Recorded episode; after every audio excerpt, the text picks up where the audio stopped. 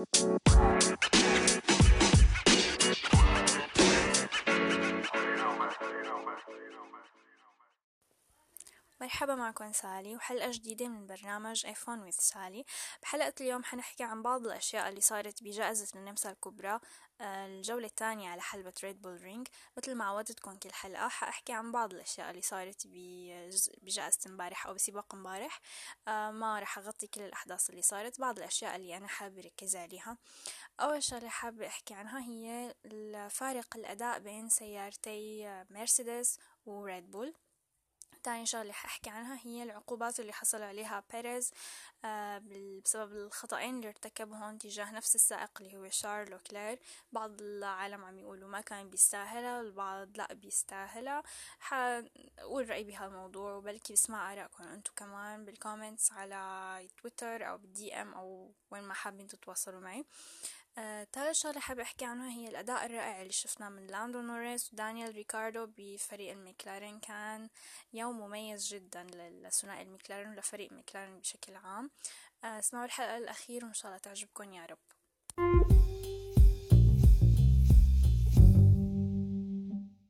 أول شي حابة أبدأ فيه هو الرائع لاندو نوريس. رغم أنه هذا ما أول بوديوم لنوريس بس أنا شفته أكتر بوديوم مميز حققه. بأول 19 لفة شفنا أداء رائع منه قدام سيارة بطل العالم سبع مرات لويس هاملتون وبسيارة مثل مرسيدس.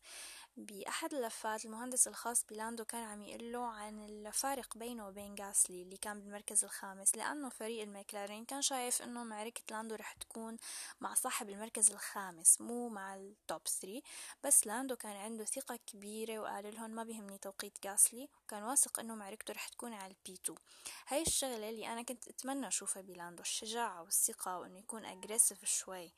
آه، وشفت هالشي امبارح كنت مبسوطة جدا إني شفت هالشي أخيرا بلاندو بالنسبة للبنالتي اللي اخدها بشوفها ظالمة شوي لأنه كان هو بمكان من الحلبة صعب شوي الواحد يتحكم بسيارته فيه. لأنه بيكون على شكل نزلة من بعد خروج من منعطف قبله فبهيك حالة أنت صعب أنك تتحكم بسيارتك وتطلع شوي أو تبعد عن السائق اللي جنبك حتى هو انزعج من البينالتي وقال إنه لولاها يمكن كنت أنا هلأ P 2 شخصيا ما بتفق مع لاندو بآخر فكرة كان صعب شوي يكون P 2 خصوصي لو ما طلع بيريز عن مسار الحلبة ببدايات السباق وتراجع كذا. يعني عشر مراكز لورا ببداية السباق هالحكي فكانت نتيجة رائعة للاندو امبارح عن جد رغم كل شي صار. دانيال ريكاردو نفس الشي بدأ من المركز 13 وأنهى السباق بالمركز السابع. كمان أداء رائع جدا.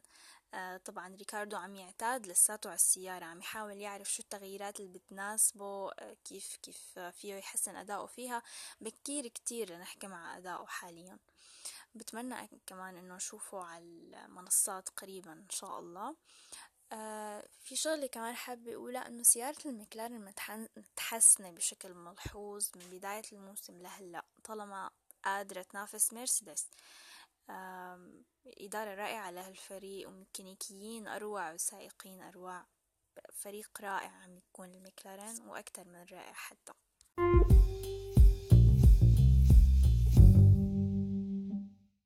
أحكي بمعلومات متواضعة عن فارق الأداء بين مرسيدس وريد بول.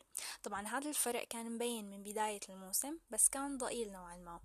اللي صار هلأ خصوصا آخر جائزة إنه ريد بول تحسنت أكتر من بداية الموسم لهلأ وصار الفرق أوضح شوي وأكبر. الانخفاض الخفيف أنا بعتبره بأداء المرسيدس إجا نتيجة تغيير قوانين ال aerodynamics أو الانسيابية لهذا الموسم. آه، من هاي التغييرات اللي طرأت هالموسم هي تصغير أرضية السيارات كلها. هذا الشي ما ضر كتير سيارة الريد بول لأنه عندهم قياس ال rake angle أو الزاوية اللي هي بين أرضية السيارة والحلبة أكبر من قياسها بسيارة المرسيدس. وآخر تعديل قاموا فيه فريق ريد بول اللي هو shark tooth diffuser آه، أو صمموا موزع هواء بشكل سن قرش هذا الموزع زاد من قوة تدفق الهواء فوق الموزع.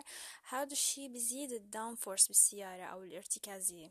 لما بيكون عندك downforce أكتر يعني بتتحكم بالسيارة أحسن بيكون عندك grip أو تماسك أكتر وبتكون السيارة أسرع. من بعد ال shark tooth تبع ريد بول بتوقع مرسيدس بقى محضرت لنا مفاجأة على سيلفرستون ما بعرف شو التغييرات اللي حطت على سيارتهم وما بعرف شو ممكن يحاولوا يعملوا ليرجعوا يستعيدوا البطولة.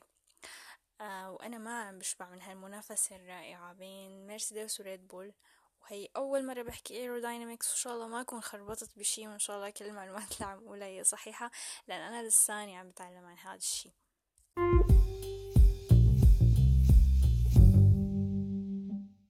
نجي على سيرجيو بيريز سائق فريق ريد بول مثل ما شفنا مبارح حصل على عقوبتين إضافة خمس ثواني لتوقيته بسبب نفس الخطأ اللي ارتكبه مرتين تجاه نفس السائق المسكين اللي هو شارل لوكلير سائق فريق الفيراري امبارح خضت نقاش صغير شوي مع أخي بهالموضوع. أخي شايف أنه سيرجيو بيريز ما بيستاهل عقوبة الخمس ثواني وأنه اضطروا ال stewards يعطوا خمس ثواني لأن عطوا لاندو خمس ثواني.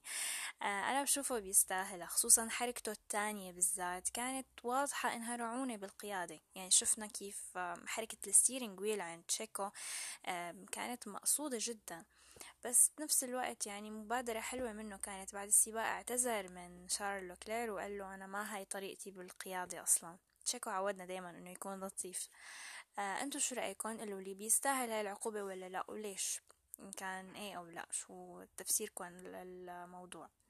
بكون مبسوطة إذا بسمع آرائكم بالتعليقات أو بال DMs آه هيك بكون قلت كل شي عندي بخصوص جائزة النمسا الكبرى. الجولة الثانية على حلبة ريد بول رينج آه رح أحاول ألتزم بحلقات البودكاست أكتر وما أتأخر عليكم إن شاء الله. الجائزة الماضية ما نزلت حلقة ومرة من الجوائز كمان ما نزلت حلقة لأن كان عندي امتحانات.